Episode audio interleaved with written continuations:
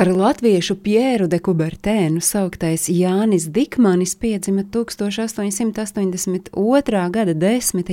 jūnijā, un Rīgu, kurā viņš piedzima 19. gadsimta beigās, bija pārņēmis riteņu bums. Tāpēc diezgan loģiski, ka velosipēds kļuva par skolnieka Jāņa Dikmaņa aizrautību. Sapni par savu divriteni un dalību sacensībās gan zēnam izdevās piepildīt pēc pāris gadiem, kad uz nomaksu varēja iegādāties Rīgā ražoto Leitneru divriteni. Darbīgums un uzņēmība viņu saveda kopā ar jaunekļiem, kuri vēlējās gudri sportot, nodibinot sporta pulciņu labā griba.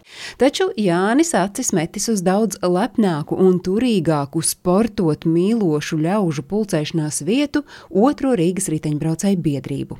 Nu, un tā kā pie riteņa Jānis bija ticis, tad varēja arī cierēt uz vietu riteņbraucēju biedrībā. Diemžēl, vai iespējams par laimi, izcils riteņbraucējs no Jāņa Dikmaņa nesen nesanāca, un beidzis aktīvās sportošanas gaitas, viņš nokļuva biedrības rīkotāju frontē, palīdzot organizēt un vadīt sacensības.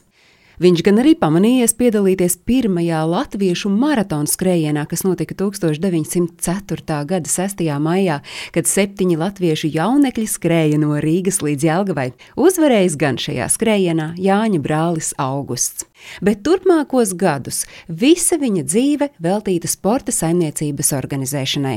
Pirmais pasaules karš gan to pārtraucis, bet karam beidzoties, jau iepriekš minētā riteņbraucēju biedrība pārtapa par Latvijas sporta biedrību ar Dikmani pie vadības ruļļiem. Kā Latvijas sporta biedrības pārstāvis Jānis Dikmanis 1922. gadā piedalījās Latvijas sporta organizāciju apvienības un Latvijas Olimpiskās komitejas dibināšanā, kā arī delegācijas sagatavošanā startam 8. Olimpiskajās spēlēs Parīzē. Par mata tiesu naudas trūkuma dēļ 41 sportista dalība šajās spēlēs draudēja izjukt, bet tad noticis pavērsiens, kuru pats Dikmanis vēlāk aprakstījis grāmatās 60 sporta sporta gadi. Kādā jaukā dienā mani izsauca pie sevis valsts prezidents Jānis Čakste un paziņoja, ka no viņa rīcībā esošajiem desmit tūkstošu latiem, ko viņam nodevusi Latvijas Tautas Banka izdalīšanai pēc viņa ieskatiem kultūrāliem mērķiem, viņš nolēmis pusi no šīs summas, tas ir 5000 latu, nodot Latvijas Olimpiskai komitejai sportistu sūtīšanai uz Parīzi. Čakste bija izplānojis, ka tādējādi ziņa par Latviju nonāktu pasaules medijos, un, kā viņš teicis, tā būtu dzīva propaganda.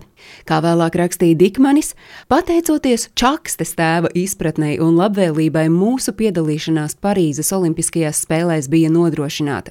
Kad Olimpisko spēļu atklāšanas dienā mūsu vienība aiz sarkanbalts sarkanā karoga iesoļoja Olimpiskajā stadionā, viņi saņēma desmitiem tūkstošu skatītāju ilgus un skaļus aplausus.